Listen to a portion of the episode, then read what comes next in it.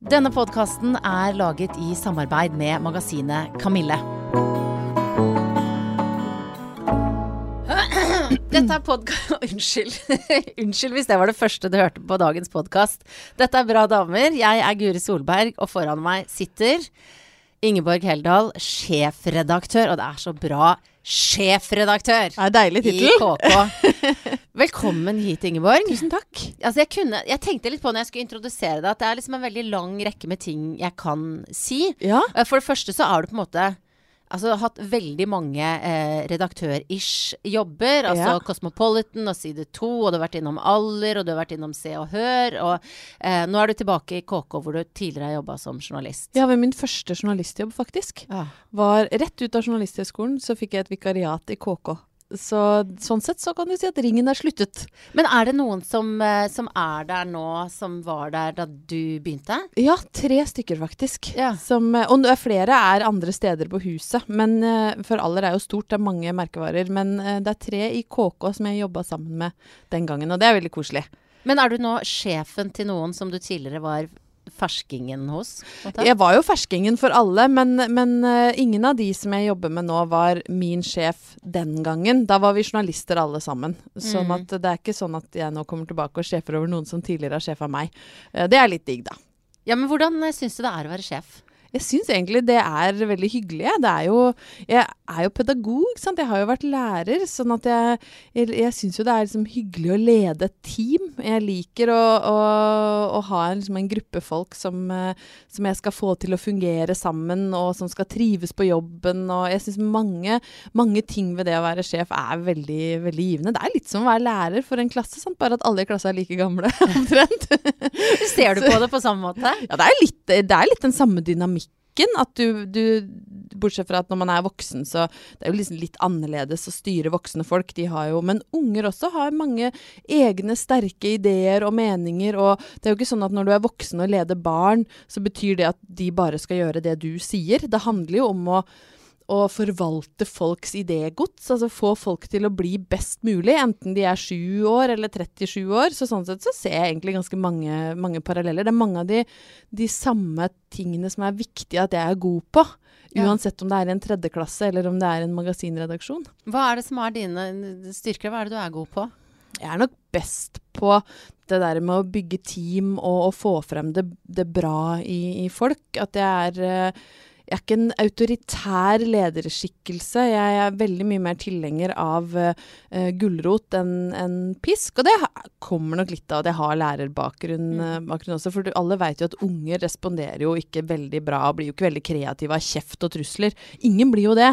Så jeg tror nok det å få folk til liksom å trives på jobben og føle at de er en del av noe som er hyggelig og bra, det er kanskje min sterkeste egenskap. Og så blir jeg litt mer frynsete i konflikt, men jeg er blitt flinkere på det med åra, da. Men, har, du, eh, har du vært i noen, noen store konflikter hvor du har, som har krevd sin kvinne? Ja, det har jeg, men kanskje ikke sånne arbeidskonflikter i den forstand. Men jeg har jo vært med f.eks. I, i veldig vonde nedbemanningsrunder. Ja. Uh, og det, er jo, det krever jo sin kvinne, fordi i små redaksjoner, som jeg ofte har jobba i, når du da kanskje skal si opp nesten halvparten, så er det utrolig vondt og helt ekstremt krevende. Du sitter sammen med folk du er glad i, som griner fordi de mister jobben sin. Det er helt forferdelig. Men det, det handler jo om, som i alle andre situasjoner, da, du må møte folk med respekt og, og være ærlig og tydelig i kommunikasjonen, så skjønner jo folk at eh, mediebransjen har endra seg mye, at vi må endre på ting. Hvis ikke så er det, blir det ingen arbeidsplasser igjen. Men det er klart det er en utrolig vondt. Jeg har hatt ganske mange søvnløse netter og kjent mye på press. Jeg har en sånn historie som jeg pleier å dra når jeg tok over Cosmopolitan. eh, Det var min første sjefredaktørjobb, og det var eh, også en merkevare som det fulgte ganske mye ansvar og forventninger med. Kanskje ikke mest fra alder i Norge, men det satt jo da et helt team eh, på, eh, i Hearst Tower i New York. Det var veldig Devil Wears Prada Oi, å komme dit. Det var veldig gøy, men det var også kjempeskummelt. For i Norge så er vi jo liksom vant til at selv i magasinbransjen, i hvert fall i KK, så kan jeg komme på jobben i joggedress og crocs uten sminke og med hår i en tufs, liksom, og så er det helt greit. Mens i, i New York så så vi jentene komme på jobb i sneakers, og da satt alltid i inngangspartiet og skifta til stiletthæler før de turte å ta rulletrappa opp. Så det var veldig men, og, Så jeg ble ganske stressa og kjente at det er en tung, tung ting jeg skal forvalte her nå. Det er mye press om økonomi, og, og magasinbransjen går ned. Så da fikk jeg utslett over hele kroppen. det, var, det var som jeg våkna på natta og klødde Altså, mannen min våkna av lyden av meg som klødde tørr hud. Og det så ut som jeg hadde falt i brennesle, og det var altså Det dekte hele kroppen min. Ansiktet? Nei, heldigvis ikke, men det krøyp liksom opp av halslinninga. Da, så så de der brennesleblemmene. Og jeg klødde og klødde og klødde. Og til slutt så ringte jeg da min, hun som var min mentor, da, Ellen Arnstad, og sa at vet du hva, jeg er helt fortvila, men jeg er så stressa at jeg klør meg til blods. Og da sa Ellen liksom de, de, magiske ord som jeg har tatt med meg videre. Og sa, men kjære deg, Ingeborg, alle i Redaktørforeningen har sånn. Oh, ja. så hver gang jeg er på sånne møter og ser liksom sluggerne, Jon Arne Markussen og Torry Pedersen og Gunnar Stavrum, så tenker jeg ja, der sitter dere med de krispe hvite skjortene, men under så veit jeg at dere har sånn kløende brenneslutslett, dere òg.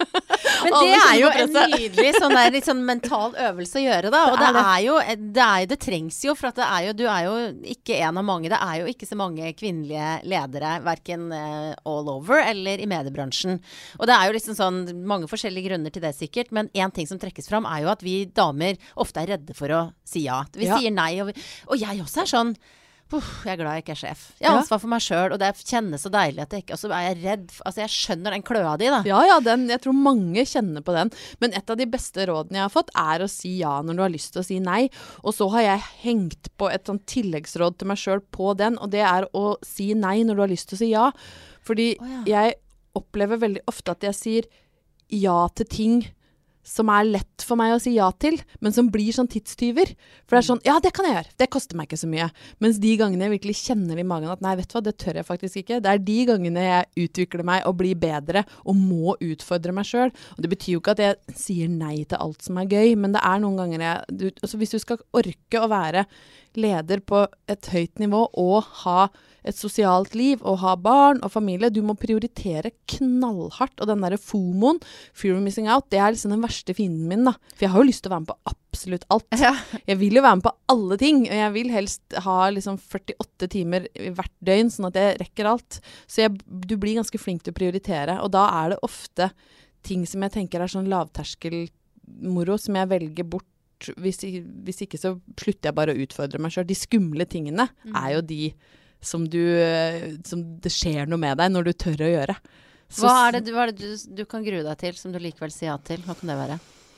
Jeg gruer meg til masse, jeg. Jeg har, jeg har sagt ja til å, å holde uh, en foredrag i København på en sånn stor digital konferanse nå, fordi jeg tøffa meg når jeg var på den sist, og fordi KK fikk en pris for ja, et uh, sånn digitalt takk, takk. Det var jo ikke noe jeg hadde vært med på, men jeg var jo da hadde akkurat fått jobben, så jeg måtte jo reise ned og ta imot den. Men det var for et veldig kult digitalt annonseformat. Og det var veldig mange kule folk som var der, altså som tok imot priser. Det var The Guardian, det var New York Times, South China Post. Det var folk fra hele verden, og det var ingen damer. Det var den ene mannen etter den andre opp på scenen, tok imot priser. Og, og, så var det min tur, da. Jeg skulle opp og ta, jeg visste jo det, og kom opp, og så sa jeg bare det her er jo ganske flaut for dere. At uh, dere deler ut priser til hele verden, og så er det én dame, og det er meg. Det blir et dølt gruppebilde, så det er bra dere har meg her med røde sko. Uh, og så lo de litt av det, og så ringte de to dager etterpå og sa når du skal være så breial, så får du komme tilbake, og så får du prate på neste konferanse. Og jeg gruer meg helt sjukt. Ja. Fordi jeg må snakke på engelsk, og det er veldig mange sånn tungvekte folk. Det gruer jeg meg til. Men jeg kunne jo ikke si nei. Nei, det skjønner jeg. Jeg hadde tøffa meg. Men altså, når du da skal gjøre det, eller andre ting som du, du gruer deg til, hvor finner du på en måte selvtilliten og styrken til å likevel gjennomføre det? Jeg forbereder meg sjukt godt. Ja. Det gjelder alle ting i mitt liv som uh, Jeg forbereder meg til alt jeg er gjennomforberedt til alle ting jeg gjør. Uh, jeg, ting som kanskje virker som sånn improvisert moro, er veldig ofte bak der ligger det et manus eller en utrolig stor research. Fordi da er jeg tryggere. Og da tør jeg liksom å senke skuldrene og slippe meg løs. Og så trenger jeg ikke nødvendigvis bruke all den researchen eller det manuset jeg har skrevet, men jeg veit at hvis jeg faller ut, så har jeg liksom noe ja. uh, som er bra nok. At hvis jeg får panikk eller ikke kjenner Å nei, nå vet jeg ikke hva jeg skal si, jeg vet ikke hva jeg skal si, jeg vet ikke hva jeg skal si, og så kan jeg liksom løfte fram Marco. Ja, OK, jeg, kan, jeg tar det derfra. Ja. Det gir meg en trygghet, da. Så det gjør jeg. Jeg forbereder meg. Jeg sørger for å kunne det jeg skal snakke om. For, og det er litt sånn interessant, for at jeg har jo truffet deg en del ganger opp igjennom uh, min tid i mediebransjen. Og da alltid Altså, du er sånn drømmegjesten. Og det er flere sånne redaksjoner sånn ja, Vi kan jo bare ringe Ingeborg, da. Så For hun, er, kan, for hun er alltid så bra. Og jeg har tenkt at du på en måte er At du tar det på sparket. Men jeg gjør kanskje, aldri det. men kanskje Så de gangene For at vi, det er typ sånn i ettermiddagen på TV 2 var du gjerne med i panel, eller du var Mm. inn og snakka om populærkulturelle fenomener, og vi trengte noen som kunne si noe smart. Og da tenkte jeg at du tok det på sparket. Nei, jeg er stort sett alltid ganske godt forberedt, altså. Men, men det er klart det er ulike grader av forberedelse. Nå som når jeg skal komme hit og snakke med deg om meg. Ja. Så det er det, på en måte, det. det har jeg master i. Så da har jeg ikke liksom sittet og pugga kvelden før. Men hvis du hadde bedt meg om å, å komme og snakke om Oscar, f.eks., eller altså noe annet, så, så gjør jeg alltid research. Sånn, husker liksom OK, hvem hadde finest kjole i fjor? Hvem vant i fjor? Var det noen skandaler? Var det noen taler som jeg har glemt? Altså alle sånne småting. Så jeg bare har noen knagger å henge ting på. Tilfelle samtalen tar en retning hvor jeg ikke helt veit, så har jeg alltid noen ting jeg kan ta opp, da Ja. hvis ting går litt i stå. Så, så jeg liker, liker å være godt, uh, godt forberedt til ting. Men har du, er det noe du har hatt med deg hele livet? Nei, egentlig ikke. Det er litt sånn teknikker jeg har lært meg etter hvert. Jeg var ganske sånn skippertaksstudent, f.eks. Jeg var veldig mye mer opptatt av fest og moro enn gode karakterer i mange år. Jeg, jeg gjorde det så dårlig på noen av fagene at faren min trodde jeg liksom tulla når jeg, jeg var så skikkelig krise første, første året når jeg studerte tysk grunnfag. Så var jeg en veldig, veldig dårlig student. Jeg var sånn som var med på absolutt alt. Da sa jeg ja. Da var jeg ja-menneske. ass. Ja. På alle nivåer i livet. Så, så da var jeg ikke så flink til Jeg hadde ikke så gode studieteknikker. Men eh, det lærer man seg etter hvert, da. Og jeg, te jeg tenker jeg gidder ikke å gå liksom, angre på at jeg fikk noen dårlige karakterer her og der. Du, det er mye læring i det, bare det å være student og styre egen hverdag og egen økonomi. Og jeg fikk jo ikke til det heller. Brukte hadde jo brukt opp studielånet i februar. Ja, ja. Grein og ringte hjem. Hadde ingen penger og masse nye klær og Dior-sminke og jo, jo. Og vi brukte opp alt på tull og vas. Eh, så jeg lærte litt sånn den tøffe Jeg er fortsatt ikke så veldig flink med penger, så det er han jeg er gift med som på en måte holder meg litt i øra der. Ja, hvordan da? Altså, er det sånn, er det felles kontostemning? Og så ordner Ikke på alt, men vi har jo liksom felles lån og felles huslån og felles billån og felles økonomi der. Og så har jeg på en måte en sånn slurvekonto som er min egen. Og okay. den, der går, kan det gå varmt noen ganger. Men det styrer jeg sjæl, da. ja. Men jeg kjenner jeg voksen, liksom. Jeg er 44 år og mor, og jeg ofte så er det sånn blakk to dager før lønning. Ja, men Det altså- skjer fortsatt, altså! Ja, jeg er også sånn. Og jeg hadde jo eh, eh, fra, Silje Sandmæl fra Luksusfellen Ja, ja, var gjest her. Eh, og da var sånn da, hadde, da var jeg sånn flau hele dagen. Fordi at jeg vet at jeg i hennes øyne Altså, hun var ikke noe fordømmende. Men gravde hun i økonomien din? Nei, det, vet du hva? Og det er fordi at jeg ikke turte. Mm. Det hadde jo vært en fin podkast hvis jeg hadde sagt se her. Her har du kontoutskriften min. Ja. Og så hadde hun kunnet gi meg masse råd. Men ja, det er så vanskelig og sårt å snakke om. Jeg er eh, slurvete, jeg altså. Grusomt. Vi, vi har også hadde, når jeg jobba i Studio 5, så hadde vi han eh, Hva heter han, Hallgeir? Hallgeir Oppedal Ja, han sånt, ja. kom til oss, Nei, og da Ja. Da var jo Hallgeir et eller annet. Og han skulle da Han spurte jeg trenger liksom økonomien til en eller to av dere som jeg skal gå gjennom. Jeg var bare sånn Det blir ikke meg. Jeg nekter. Men da var det Heidi Nordby Lunde. Ja. Så hun er jo hø- Høyre-politiker, hun er vel på Stortinget, og hun nå. Hun sa ja til at han skulle få lov til å gå. Jeg, var- jeg syns hun var så modig. Ja. For jeg er helt enig med deg, det er litt sånn skambelagt det der å være så rufsete på penger. Mm. Og det sa Cecilie Lynum, jeg satt i et debattpanel med henne, at det er et av de siste tabuene vi har. Folk vil heller si at de har klamydia, enn at de trekker over kontoen hver måned. Ja, Liksom. ja, det tror jeg faktisk jeg skriver under på. Ja, er jeg, uheldig jeg har ikke klamydia. men jeg- Stå fram med kjønnssykdommene før det å si at vet du jeg, jeg, jeg har ikke råd til å være med på den jentekvelden, eller jeg har brukt opp pengene mine. Det syns folk er så flaut, og derfor så har nordmenn, hva var det hun sa, 100 milliarder i kredittgjeld per nå. Ja. Det er ganske sjukt. Jeg, jeg, er heldigvis ikke en av de som drar opp det. det er, jeg, jeg klarer som regel å styre unna. Men det har jo hendt at jeg er sånn Fader, jeg er helt blakk, liksom. Nå må jeg bruker mastercardet for å kjøpe niste til ungen. Oi, Det er stusslig. Men er det sånn, ikke sant, nå har du jo så vidt turt å snakke litt om økonomi her, da, men er det andre ting i livet ditt som du på en måte, som er sånn skamfullt for deg? Nei, vet du hva, jeg driver ikke så mye med skam. Uh, det har, men det har jeg gjort mye, da.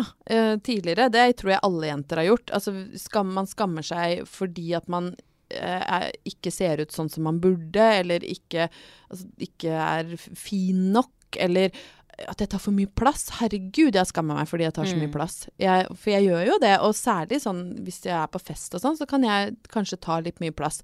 Sånn som bestemmer over musikken og sånne ting, sant. Eller bråker veldig, eller ikke vil gå hjem.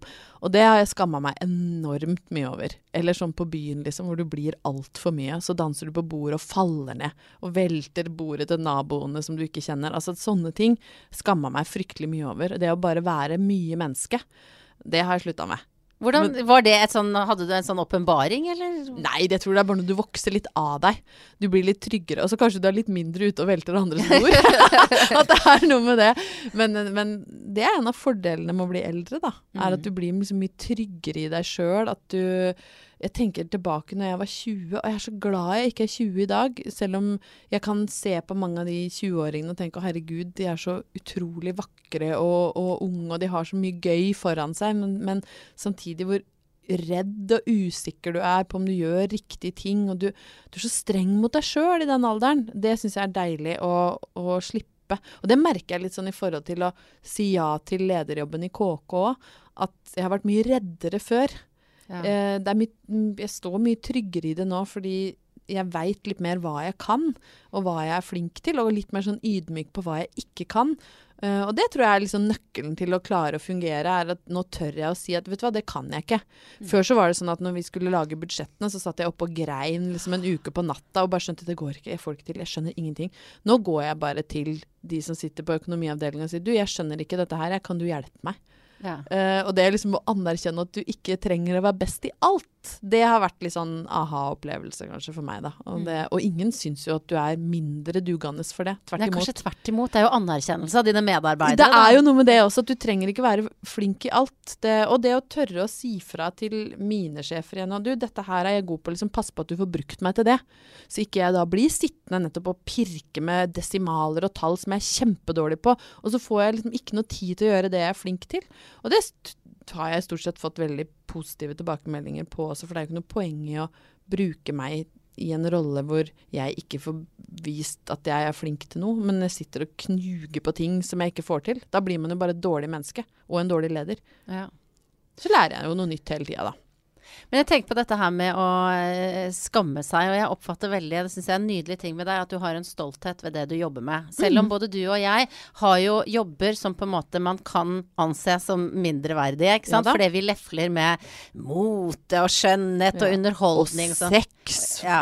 Gud forby! Ja, ja, huff a meg. Tenk at det finnes noen som syns at vi må skrive om det. Ja. Og det var enda verre i Kosmo, ja. for da drev vi jo med sex og sko og sånn. Mm. Og, det, men, og da var jeg litt mer frynsete òg. Jeg husker jeg satt i en debatt en gang. Nok en gang da ja-mennesket Ingeborg var sånn Ladyfest. Kan du komme og debattere sex i ukepresse eller i, i glossy presse? Fordi, fordi vi må snakke om det. For skolene klarer jo kanskje ikke helt å fylle rollen godt nok som seksualopplyser. Og det var altså så grusomt at det, var, det står for meg som et mareritt enda.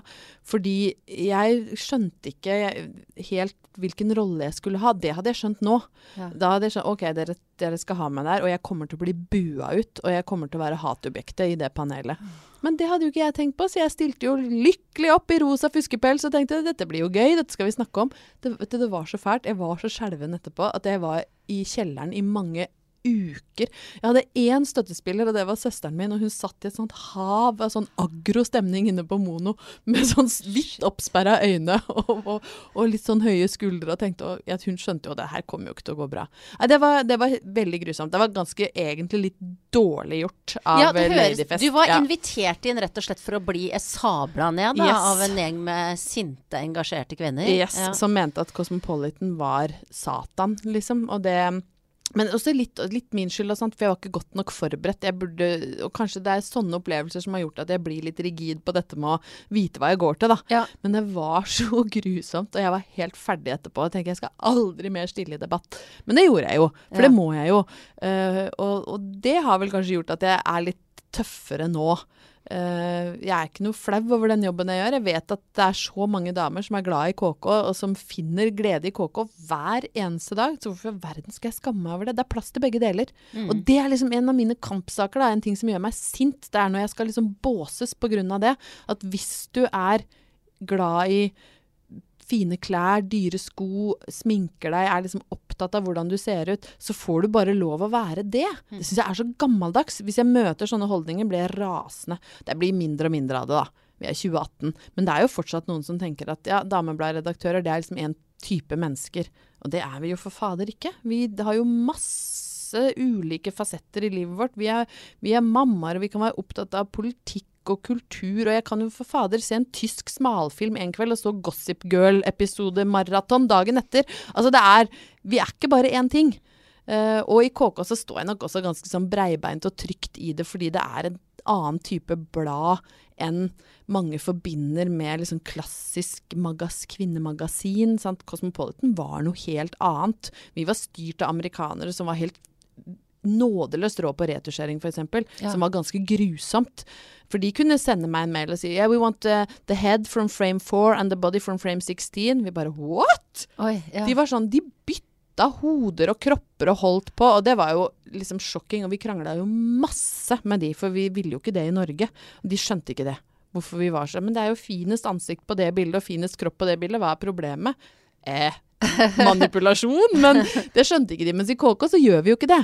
Uh, vi retusjerer jo ingen bilder. Vi bildebehandler. Uh, sånn vil si at vi fikser litt på lys, og vi kan ta bort veldig skrukker i klær, eller hvis håret har lagt Altså fjerne noen hårstrå eller sånne ting. Så sånn type bildebehandling gjør vi, men vi lager jo ikke folk tynnere eller gir de større pupper eller smalere armer eller glattere hud, liksom. Det er jo ikke Vi driver jo ikke med den type retusjering i Norge. Men har du, har du, vært eh, in, altså har du vært Nå har du liksom vært i diskusjon med Cosmopolitan internasjonalt, og de ville retusjere, og du kunne Kunne du si nei da? Eller var det de som vant den diskusjonen? Nei, vi, vi, det hendte vi sa nei, ja. ja. ja. Vi gjorde det. Men vi fikk jo også kritikk for, eh, for å, å, overbehandle forsider. Jeg husker Linnea Myhre var ja. kjempesint på ja, uh, Cosmopolitan en gang. Og det og, det, og det, jeg måtte jo stå i det, men det er klart at det er ekstremt ubehagelig at en som har liksom stilt opp for oss ikke føler seg ivaretatt. Jeg mm. syns jo det var kjempekjipt, fordi når du sier ja til å gjøre et magasincover, så gjør du deg jo ganske sårbar. Du er liksom litt prisgitt at de som skal lage det, for det er jo veldig sjelden at de får bestemme sjøl hvilket bilde. Altså det er jo ytterst få som har den statusen. Da snakker vi liksom dronning Sonja, Mette-Marit og sånn. Da blir man veldig Ja, du kan velge bilde. Men stort sett så tar jo vi det vi syns passer best, og det var jo veldig kjipt at hun ikke likte det bildet, og syntes at vi hadde liksom retusjert eller behandla det bildet så hun ikke var komfortabel med det og ikke kjente seg igjen. Det, det er uh, Og jeg tror nok ikke det hadde skjedd i dag, men det var mange år siden, og vi var under veldig press fra amerikanske eiere og behandla nok det litt for mye. Mm. Men føler du, føler du, at du har vært i situasjoner hvor du har måte, tatt avgjørelser, eller vært, hvor resultatet har blitt noe som du ikke har vært komfortabel med, som du ser det nå? Jeg var jo på en måte komfortabel med det når vi sendte inn det av, Linnea den gangen. Men nei, har, vi har vel Nei, men nei, egentlig ikke. Men jeg har vært i diskusjoner med, med liksom for, type amerikanske sjefer hvor jeg har vært helt sånn, gjennomsvett og på grineren etterpå. Ja. Fordi de har litt sånn annen tone der. De er ganske, de er ganske strenge. Så det har, det har liksom krevd sin kvinne å skulle stå imot og prøve å forklare, og bli, for de blir jo veldig oppgitt over at ikke vi for, Og jeg skjønner jo på en måte det også, for de forvalter da liksom verdens største magasinmerkevare. Dette har funka i alle år, og så skal vi oppe i lille Norge være så jævlig sære. Nei, sånn vil ikke vi gjøre det her. Og da blir de kjempeirriterte. Ja. Så jeg var, men ofte så Vi var jo en liten, veldig sammensveisa redaksjon, så det var jo ofte sånn at folk satt igjen. Og, og, og, var liksom heiagjeng. Sånn, ok, nå går du inn på kontoret, og så tar du, og så kommer jeg så svett ut igjen og måtte grine litt. Og da satt de der, og så drakk vi kaffe og roa oss ned. Og så var sånn OK, det gikk bra. Åh. Men det var ganske skummelt. Og det å snakke i telefon på linje med delay og få masse kjeft, det var ja, veldig, det veldig, slitsomt. Altså. På mange nivå. på veldig mange nivå. Men du, nå står du jo da støtt som sjefredaktør i KK. ikke sant? Du er del av en verden som jeg også jeg oppfatter at du har liksom et engasjert og reflektert bilde rundt den makta du har, f.eks. og sånn. Samtidig som man jo er glad i det glamorøse og det vakre og sånn. Hvordan vet egentlig ikke helt hva jeg skal spørre om nå, men, uh, men syns du det er utfordrende å være del av en bransje som på en måte, i mange deler av den i hvert fall, forherliger et uh, bilde av kvinnen som kanskje ikke er helt realistisk? Ja, er, vi, vi, må jo hele tida tenke på hva det er vi, vi formidler. Men, men, KK er jo veldig opptatt av f.eks. hvem vi har på cover.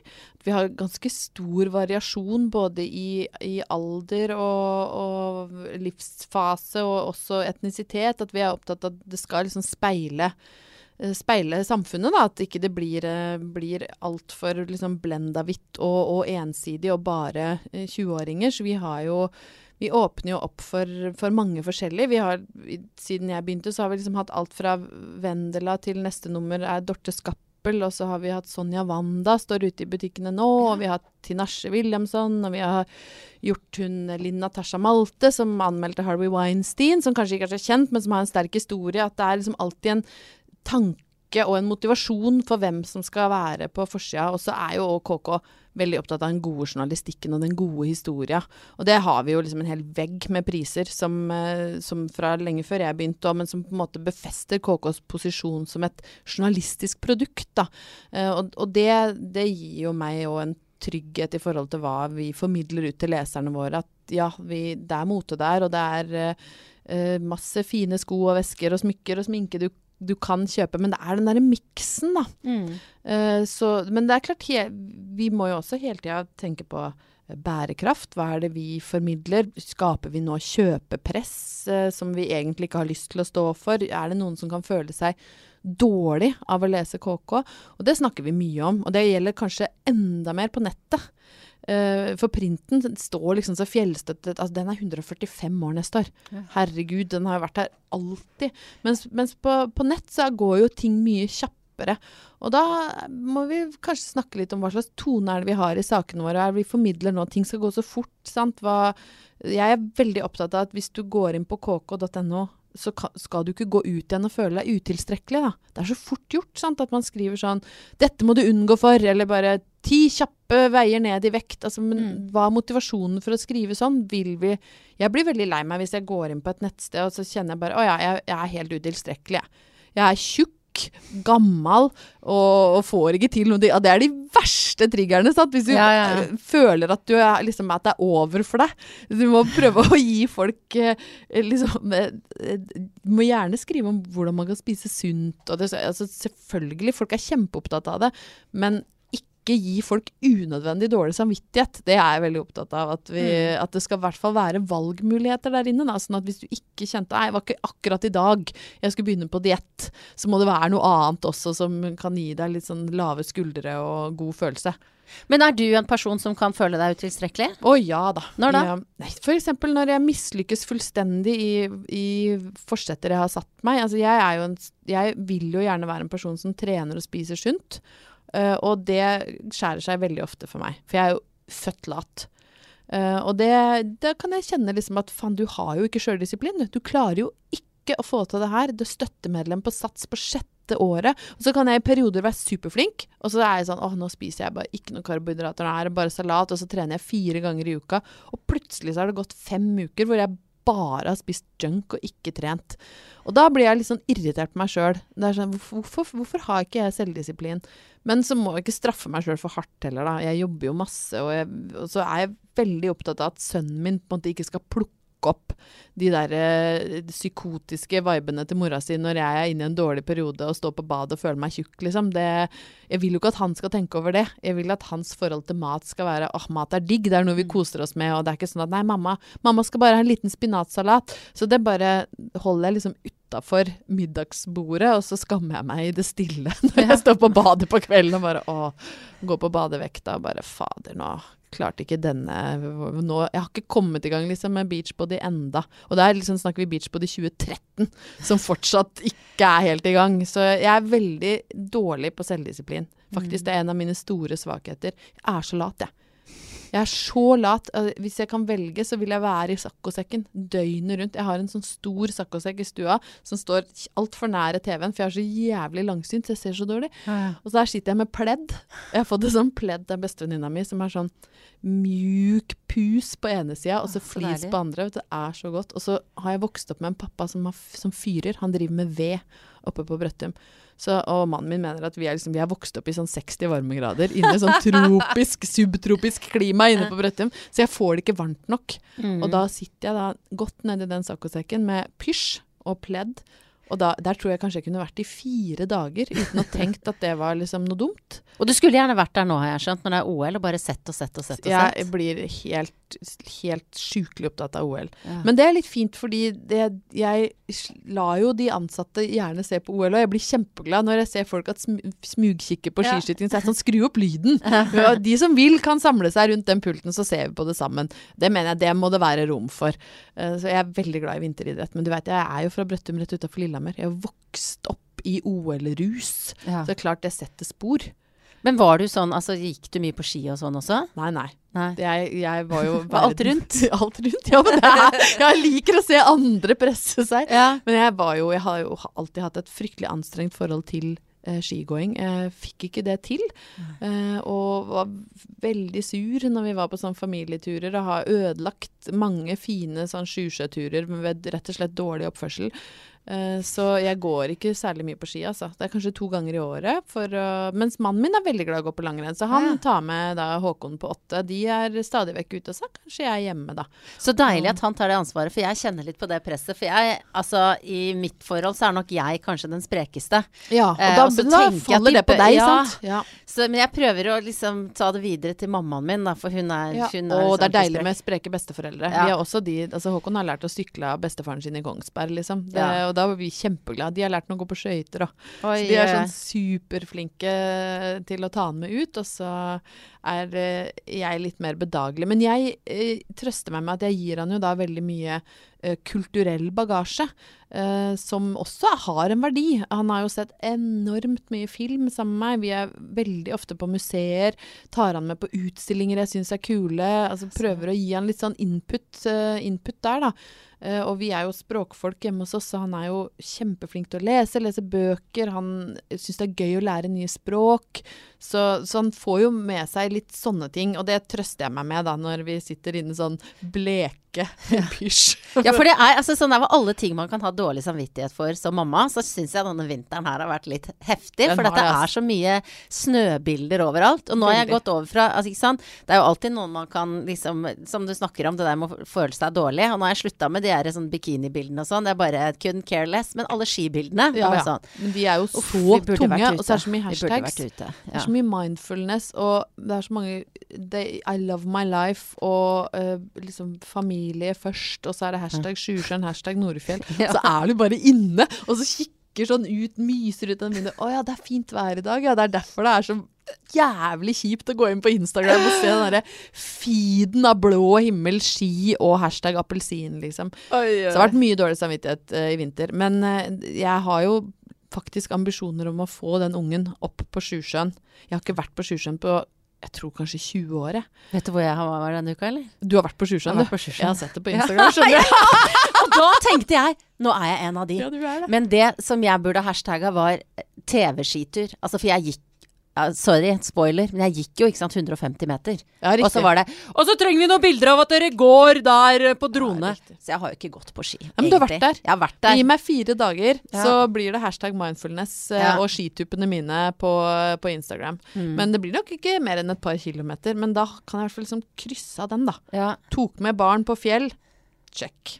Men er det ikke sant, nå sitter jo din Håkon på åtte her ute og ser på Family Guy på uh, Yes. iPad. Får ikke gått så mye på ski uh, som mange andre norske barn. Men er det altså Hvordan funker mammalivet for deg? Det funker veldig bra. Det er tilbake til det vi snakka litt om, å prioritere veldig hardt. Han er Du sa jo 'ta med deg noe som sier noe om hvem du er'. Ja. Og så tenkte jeg 'ta med Håkon'. Ja. jeg. Det, Så bra. fordi han er jo Uansett åssen jeg snur og vender på det, han er jo min førsteprioritet alltid. Eh, og det er jo ikke sånn at nå er han med meg på jobb i dag, og, er, og så tenker folk ja ja, Tårnfrid, gratulerer med det, liksom. Låser han inn i oppbevaringsboks mens mamma er på jobb. Det er jo ikke sånn det er, men, men han er uh, alltid det viktigste. Det er uh, hvis Jeg tror aldri ha, at han har følt at han ikke har blitt fulgt opp, selv om han er for liten til å kanskje reflektere over det. Men han Vi er jo på en måte heldige i vår bransje òg.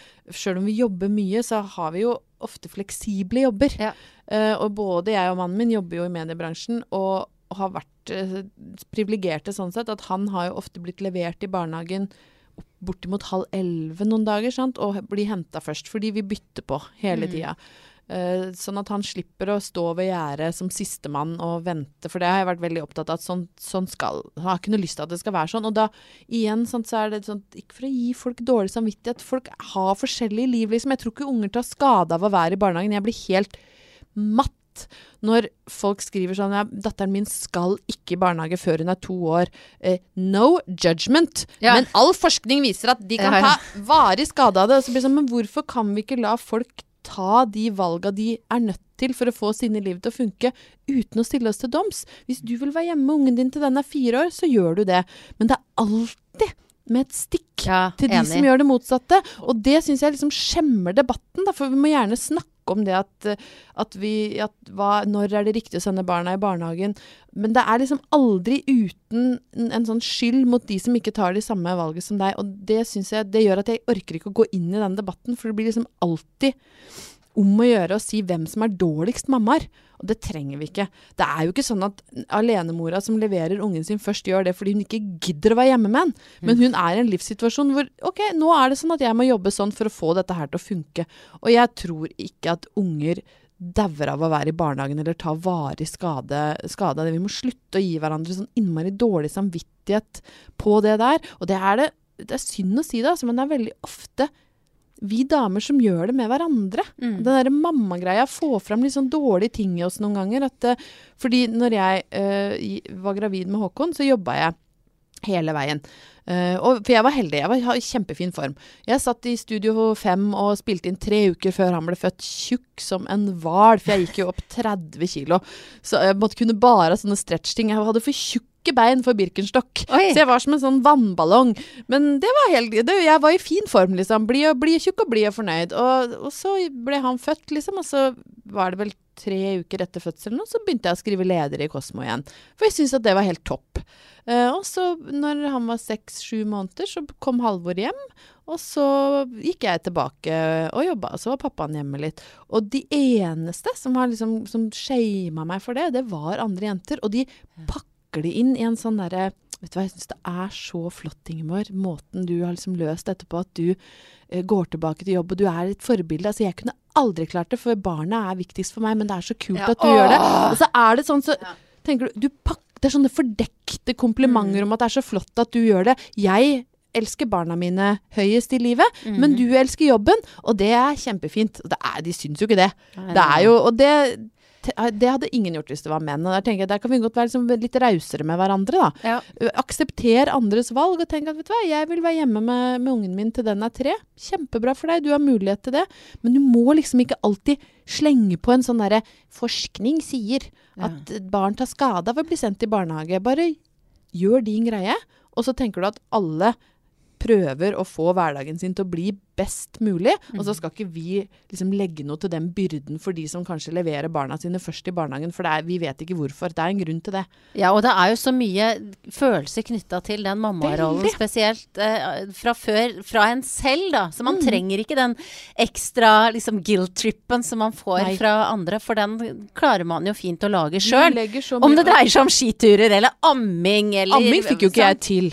Nei, og det var, det funka ikke. Mm. Fikk ikke Forskning til amme. viser at barna har det bedre hvis du de ammer. Forskning viser at barna kan dø Ja. hvis ikke du får amma. Og Jeg satt oppe på natta sant, du vet, med sånn pumpe klokka fire og bare stirra sånn tomt ut i lufta natt etter natt etter natt, mens tårene bare rant sånn stille, for jeg fikk ikke til. Og på Kvinneguiden så hadde jeg lest at Håkon da kom til å bli allergisk og astmatisk, svakelig, anemisk, mer utsatt for sykdommer. Altså det var sånn, Mens jeg satt der, så liksom ebba livet hans ut i takt med at jeg ikke fikk opp den melkeproduksjonen. fader, altså. Det er så råttent. Og Mm. han er jo liksom mest robuste ungen Han er jo aldri sjuk.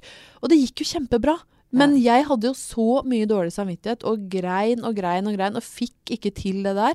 Og det, og det var jo da jeg hadde, den, Det klarte jeg fint å påføre meg sjøl, sammen Mm. med Kvinneguiden, Ja. forumet og mamming der. Vi to, vi to sammen. Ja. Kvinneguiden og jeg, vi greide veldig bra å få meg til å bli ordentlig trøkt ned i møkka uten at noen kom og sa til meg liksom eh, altså, ja, Veldig synd du ikke får, med det, får til det med den amminga, da. Skikkelig kjipt, liksom. Det, men, men! Alle finner en måte å løse det på, liksom. Så får du ta den derre astmatiske, anemiske ungen din. Men, men. Altså, det, det, det går fint. Jeg klarte fint å, å pålegge meg sjøl nok dårlig samvittighet. Så Ja. jeg syns at jenter generelt skal være litt rausere med hverandre på den biten der. Altså, det, er så, det er så mange følelser som settes i gang, og hormoner som går bananas når du, når Ja, du er gravid og har blitt mamma. Så der må vi være litt snille med hverandre. Det er en fin oppfordring. Vær rausere.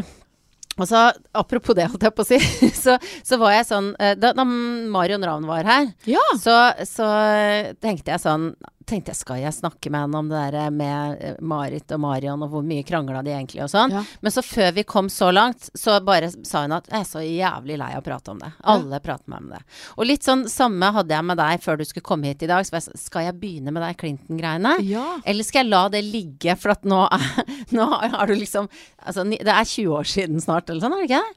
Jo, det var i 1999. Ja, det er Det er 20 20-årsjubileum til neste år. Neste år. da- må vi gjøre noe på det Skal vi lage en spesial?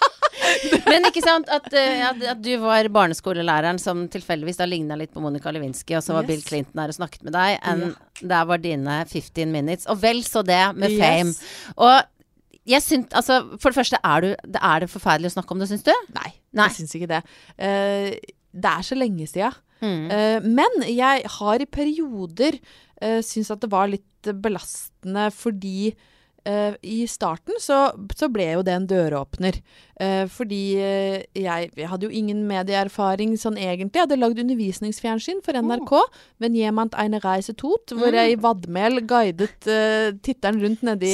Sør-Tyskland. Og snakka med gamle olympiske vinnere og sånn, opp mot Lillehammer-OL. Så, så det var sånn tysk undervisningsfjernsyn. Så jeg var, jeg hadde ikke helt, jeg var ikke helt fremmed for, for skjermen. Men dette, denne Clinton-greia som ble så stor, gjorde jo at jeg bl.a. ble invitert på Skavlan, og, og fikk liksom komme rundt og snakke litt om det. og og da ringte sjefen i NRK Troms meg bare åh, du er bra på skjerm, liksom. Vil du komme på en audition? Og det vekka jo en sånn lyst i meg til å kanskje gjøre litt mer TV. Uh, og da syns jeg egentlig i, sånn, i ettertid at jeg var ganske modig.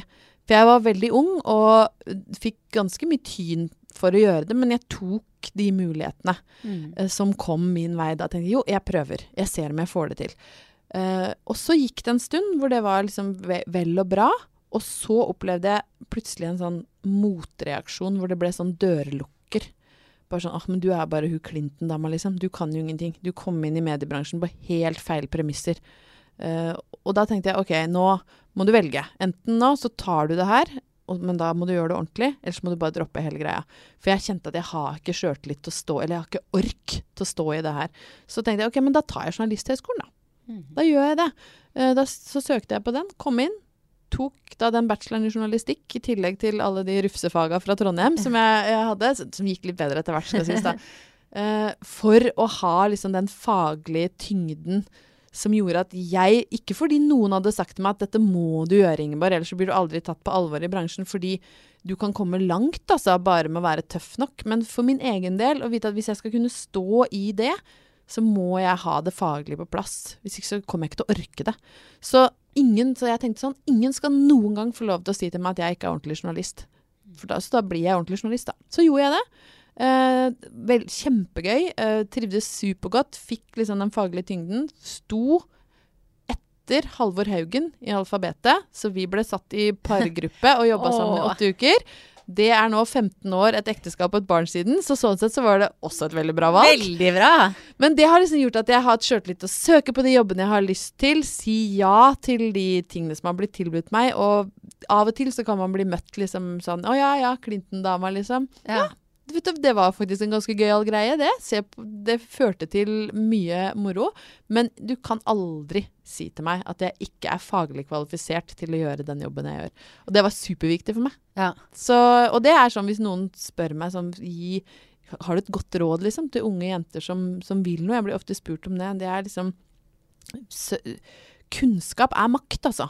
Og ikke fordi at du skal la deg dømme av andre, men fordi det gir deg en trygghet sjøl de gangene du blir møtt med fordommer, eller møter noen som prøver å gjøre deg liten, for det gjør du noen ganger. Oh, ja. Så vet du at du, du står Jeg står så støtt i det at, uh, at jeg kan riste det av meg. Jeg veit hva jeg kan. Og det har vært kjempeviktig for meg, og det er, gir en helt sånn egen trygghet, altså. Mm. Så når, når folk mansplainer til meg nå, så kan jeg bare liksom trekke på skuldrene og bare herregud, driver dere med det enda? Ja.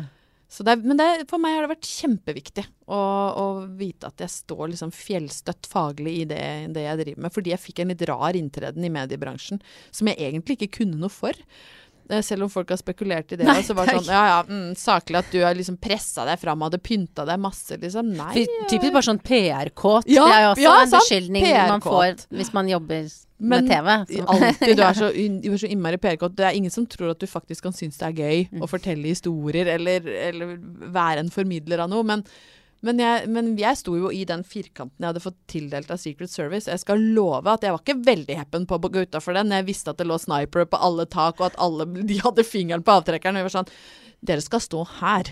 Og du flytter deg ikke en meter med de unga, liksom. Så vi var sånn greit, her er vår rute. Var sånn veldig Vi var gjerda inn. Ja. Så jeg sto der jeg sto, og, og så var det sånn Ja, men du hadde liksom Jeg husker VG skrev sånn i frisk makeup og litt sånn utfordrende blåfarge, så var det liksom De spekulerte sånn Ja. veldig at jeg hadde eh, liksom jåla meg til for å bli lagt merke til. Men da, da tenker jeg bare sånn Hello, have we met? Jeg er jo den mest glorete som fins. Jeg elsker å pynte meg. Jeg gikk jo inn i sånn glamoursjokk da Dynastiet begynte på norske TV-skjermer i 82 eller noe, og jeg oppdaga Alexis Colby Carrington, så var jo jeg solgt.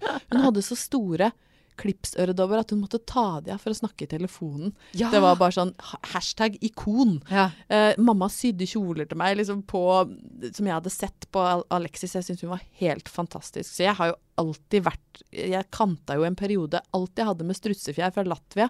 For jeg hadde fått tak i sånn 40 meter billig strutsefjær som en venninne hadde kjøpt med meg når hun drev med master i statsvitenskap og drev og undersøkte noen sånne politiske systemer i Baltikum. Så jeg var sånn Ta med strutsefjær! Så hun kom hjem med masse duegrå strutsefjær, og jeg kanta alt. For jeg elsker ting som er kanta med pels. Elsker leopardmønster, paljetter, fjær, glitter. Alt sånn. Jeg, jeg får aldri nok. Så det at jeg hadde på meg en blå fløyelsjakke med en diger turkis boa sydd fast til kragen, det var helt vanlig mandag, det. I 1999. Så det var det, For det var i den perioden hvor alt jeg hadde var kanta med pus, Ja, ja, og da drev, jeg, da drev jeg med det. ja, ja, det er helt nydelig. Ja, så jeg hadde ikke pynta meg for Bill Clinton. Jeg hadde liksom bare tatt den jakka som hang eh, ytterst i klesskapet. Du, du har jo Håkon sittende her ute som en ting du tok med deg, eller en Mm. Ja. person du tok Yes. med deg for å vise hvem du er. Hils på han, veldig kul fyr. Men er jeg skjønner at du også har med deg en bok. Ja, vi For å si hvem at du du hadde jo ikke tenkt at det var Håkon. Du var plutselig på jakt etter en ting, og det syns jeg det er kjempevanskelig. Mm. For når du får beskjed om å ta med en ting som skal si noe om, om hva du er, så kan det liksom være så mye, da. Det, for man omgir seg jo med, med ting hele tida. Så jeg gikk liksom noen runder i går inn i huset og tenkte sånn Ja, jeg har jo noen smykker jeg har arva. Det er jo Mac-en min er jo en stor, og telefonen er jo en veldig viktig del av livet mitt. Men så tenkte jeg litt gøyere hvis jeg tar med den boka jeg har lest flest ganger. For Ja. det er ikke få ganger jeg har lest The Dirt. Eh, det er, eh, det er eh, bi biografien om Motley Crew. Det, for jeg er jo, i tillegg til mye annet, veldig, veldig opptatt av musikken og kulturen som oppsto rundt The Strip i, i Hollywood på slutten av 70, og så utover 80-tallet. Det er min sjanger. Mm. Jeg, har, jeg nekter nesten å høre på ny musikk, jeg. Oh, ja. Jeg har oppdaga Sigrid liksom, og blitt helt forelska i henne. Men det som jeg har hørt på ny musikk, det er det mannen min som lurer meg til å høre på. Eller så hører jeg på det som skjedde fra liksom 1978 til 1989, bikke over 90-tallet. Det syns jeg er gøy. Og jeg elsker Motley Crew, elsker Van Halen og Rat og Guns N' Roses. Altså overalt på jord. Det er min musikksjanger. Og denne eh, biografien om Motley handler liksom om fra barndommen til de fire gutta som utgjorde Motley Crew, til den mest dekadente og elleville og bekmørkeste perioden i, i rockehistorien. Den er så fascinerende, den boka her. ja. Eh, den er uh, morsom, men den er også utrolig mørk på sitt verste. Hvor, hvordan de levde.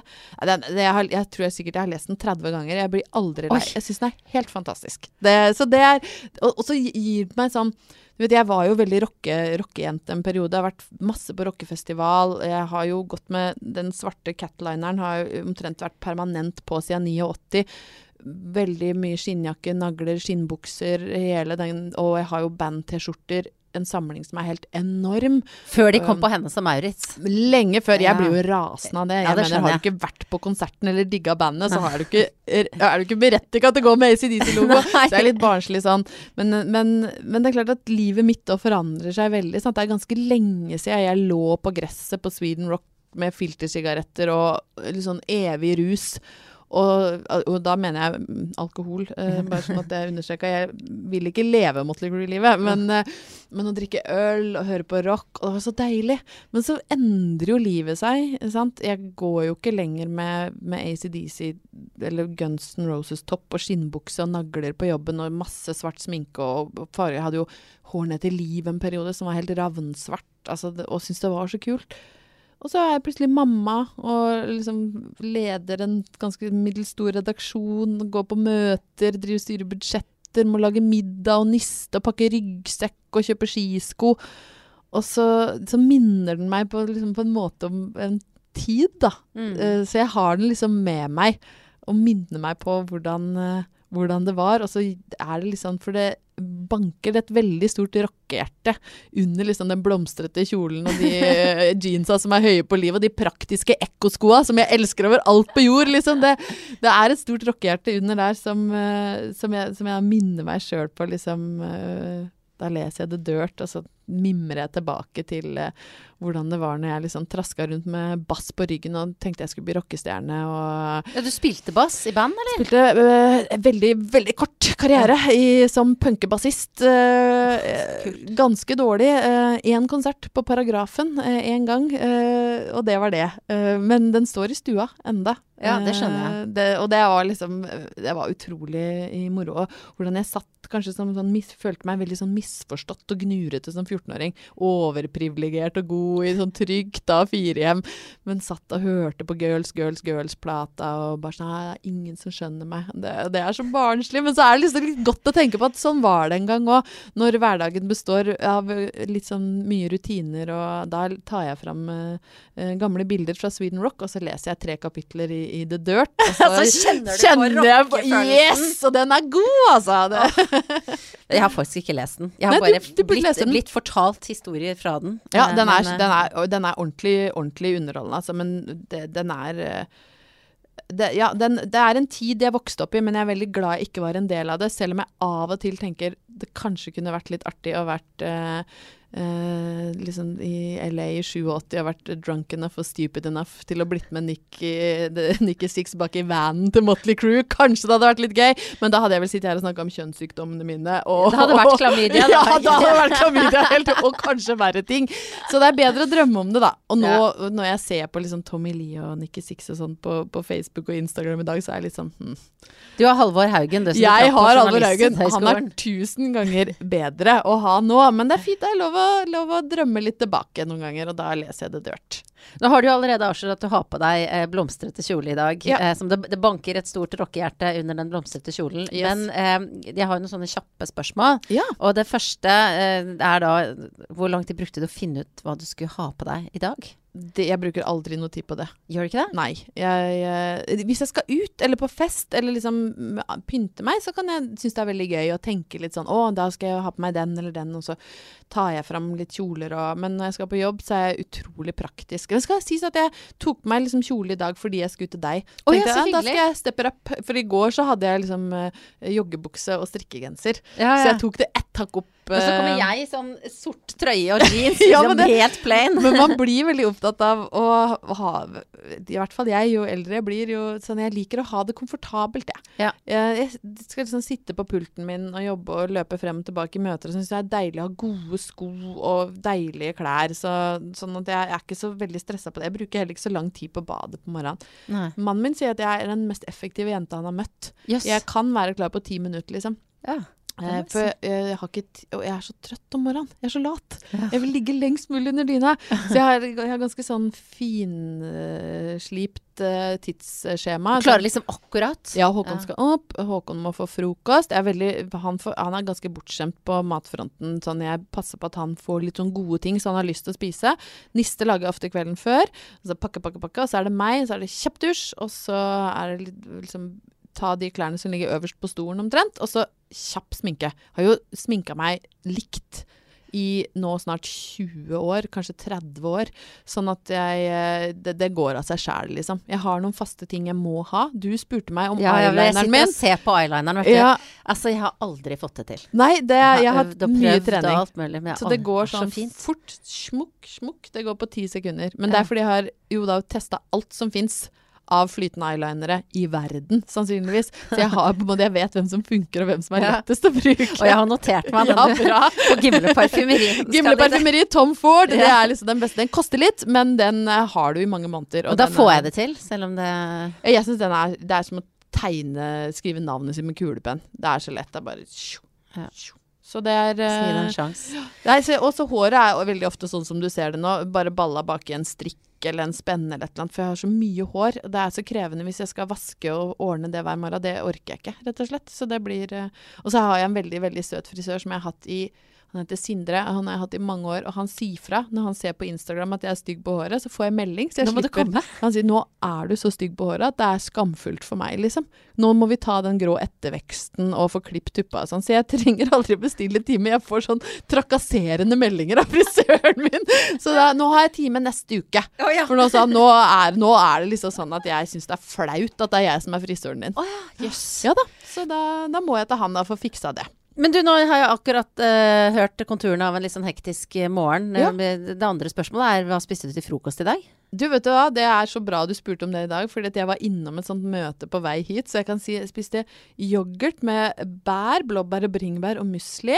Uh, og så drakk jeg grønn juice. Og så spiste vi nybakte scones med syltetøy. Jøss, dette er sånn Og bloggefrokost. Dette er bloggefrokost, Ja, altså. ja, Ja, ja. så, Mm. og så var det uh, jordbær trukket med mørk sjokolade dyppa i kokos. Når du ikke er på sånn frokost, hva spiser du da? En caffè latte. jeg spiser aldri frokost. Orker ikke. Orker ikke. Jeg er ikke sulten eh, på morgenen. Så, men hvis jeg, hvis, jeg liksom, hvis jeg kan velge frokost sjøl, så er det to ting som er liksom det beste jeg vet. Det ene er gresk yoghurt med jordbær, blåbær og bringebær og honning. Eh, og så vil jeg ha kaffe ved siden av. Da vil jeg helst ha svart kaffe. Det syns jeg er best til det. Eller så vil jeg ha bare nybakt brød med rørosmør. Og det er Det er, det er så godt. Det er liksom, men, og da er det sånn ikke, Det er liksom det beste jeg veit, da. Det, det kan, og eh, hvis jeg skal være sånn skikkelig skeie ut, så sånn ordentlig gode croissanter. Sånn Myke, varme. Yes, Ja. som, som er crispy utapå. Sånn som du får i Paris. Med ferskpressa appelsinjuice og kaffe ved siden av. Det er nydelig. Ah. Det er, så da, men da må jeg gjerne ha sovet litt lenger. Ellers er jeg helgene, lunsjmenneske. Mm. Og så er jeg fryktelig glad i mat. Altså sånn helt Jeg er så glad i mat. Vi snakker så mye om mat, vi tenker så mye på mat. Og, og når vi planlegger ferie, så styrer vi ut hvor er det best mat. Så herlig. så nå skal vi til Italia til sommeren. Det er sånn og pasta bonanza og god rødvin og elsker mat. Jeg vokste opp i matkultur, eh, og det har jeg liksom tatt med meg, så jeg kan aldri Jeg får aldri liksom sjøldisiplin nok til å kutte ut ting som jeg syns er godt, da. Selv om jeg noen ganger så tenker at det hadde vært deilig liksom å ha vært litt sånn slim og fit til bikinisesongen, og så kommer jeg på hvor godt jeg egentlig syns det er med potetstappe. For da må det være med, med, liksom, med ordentlig smør og fløte. Og så. Det er noen som har sagt en gang at Jeg vet ikke om det er en myte, men Kate Moss skal ha sagt at 'nothing uh, tastes as good as skinny feels', eller 'skinny looks'. Da tenker Jeg jeg har en liste Kate Moss med over 100 ting du åpenbart ikke har smakt. Ja, ja. smør! Ja, cola på boks, rødcola på boks, og, bare, og liksom paprika, potetgull og melkesjokolade blanda inn i munnen. Det er liksom, det er så mye som jeg syns er så godt. Så Eller sånn så- påskeegg med sånn hvitt fyll inni. Å herregud, er det har kommet i en. Oreo-variant nå. Ja, Som jeg, jo, som jeg ikke har fått smakt på ennå, men som er Altså, det er, det er så mye som er så godt, da. Så man, livet må være en balanse. Mm. Så at hverdagene består nok sikkert hos de fleste av mindre potetgull og melkesjokolade blanda i munnen, men man må liksom aldri glemme hvor godt det er.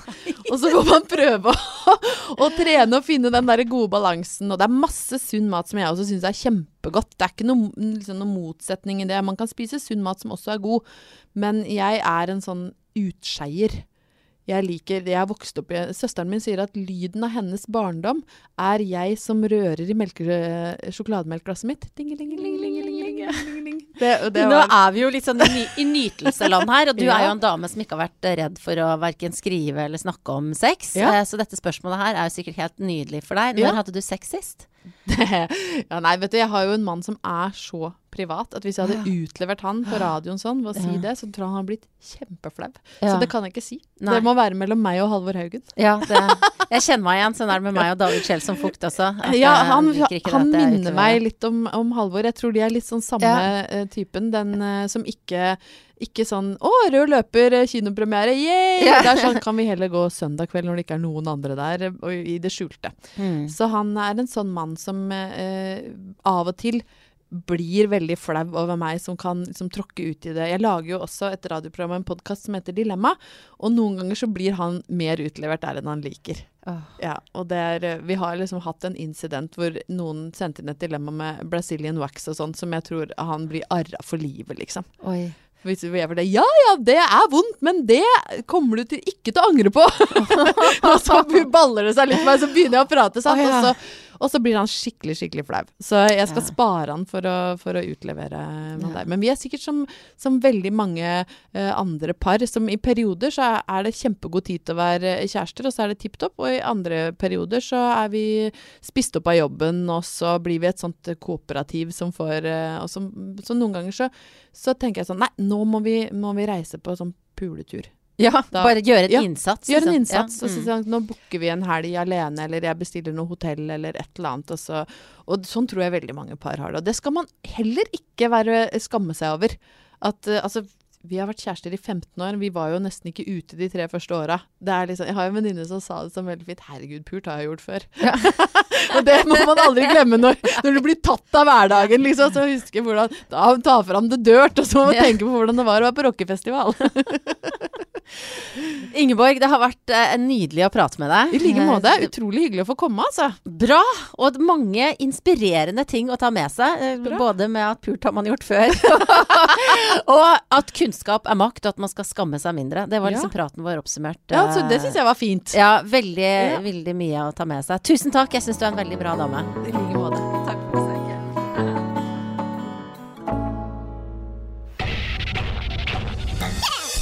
Monster.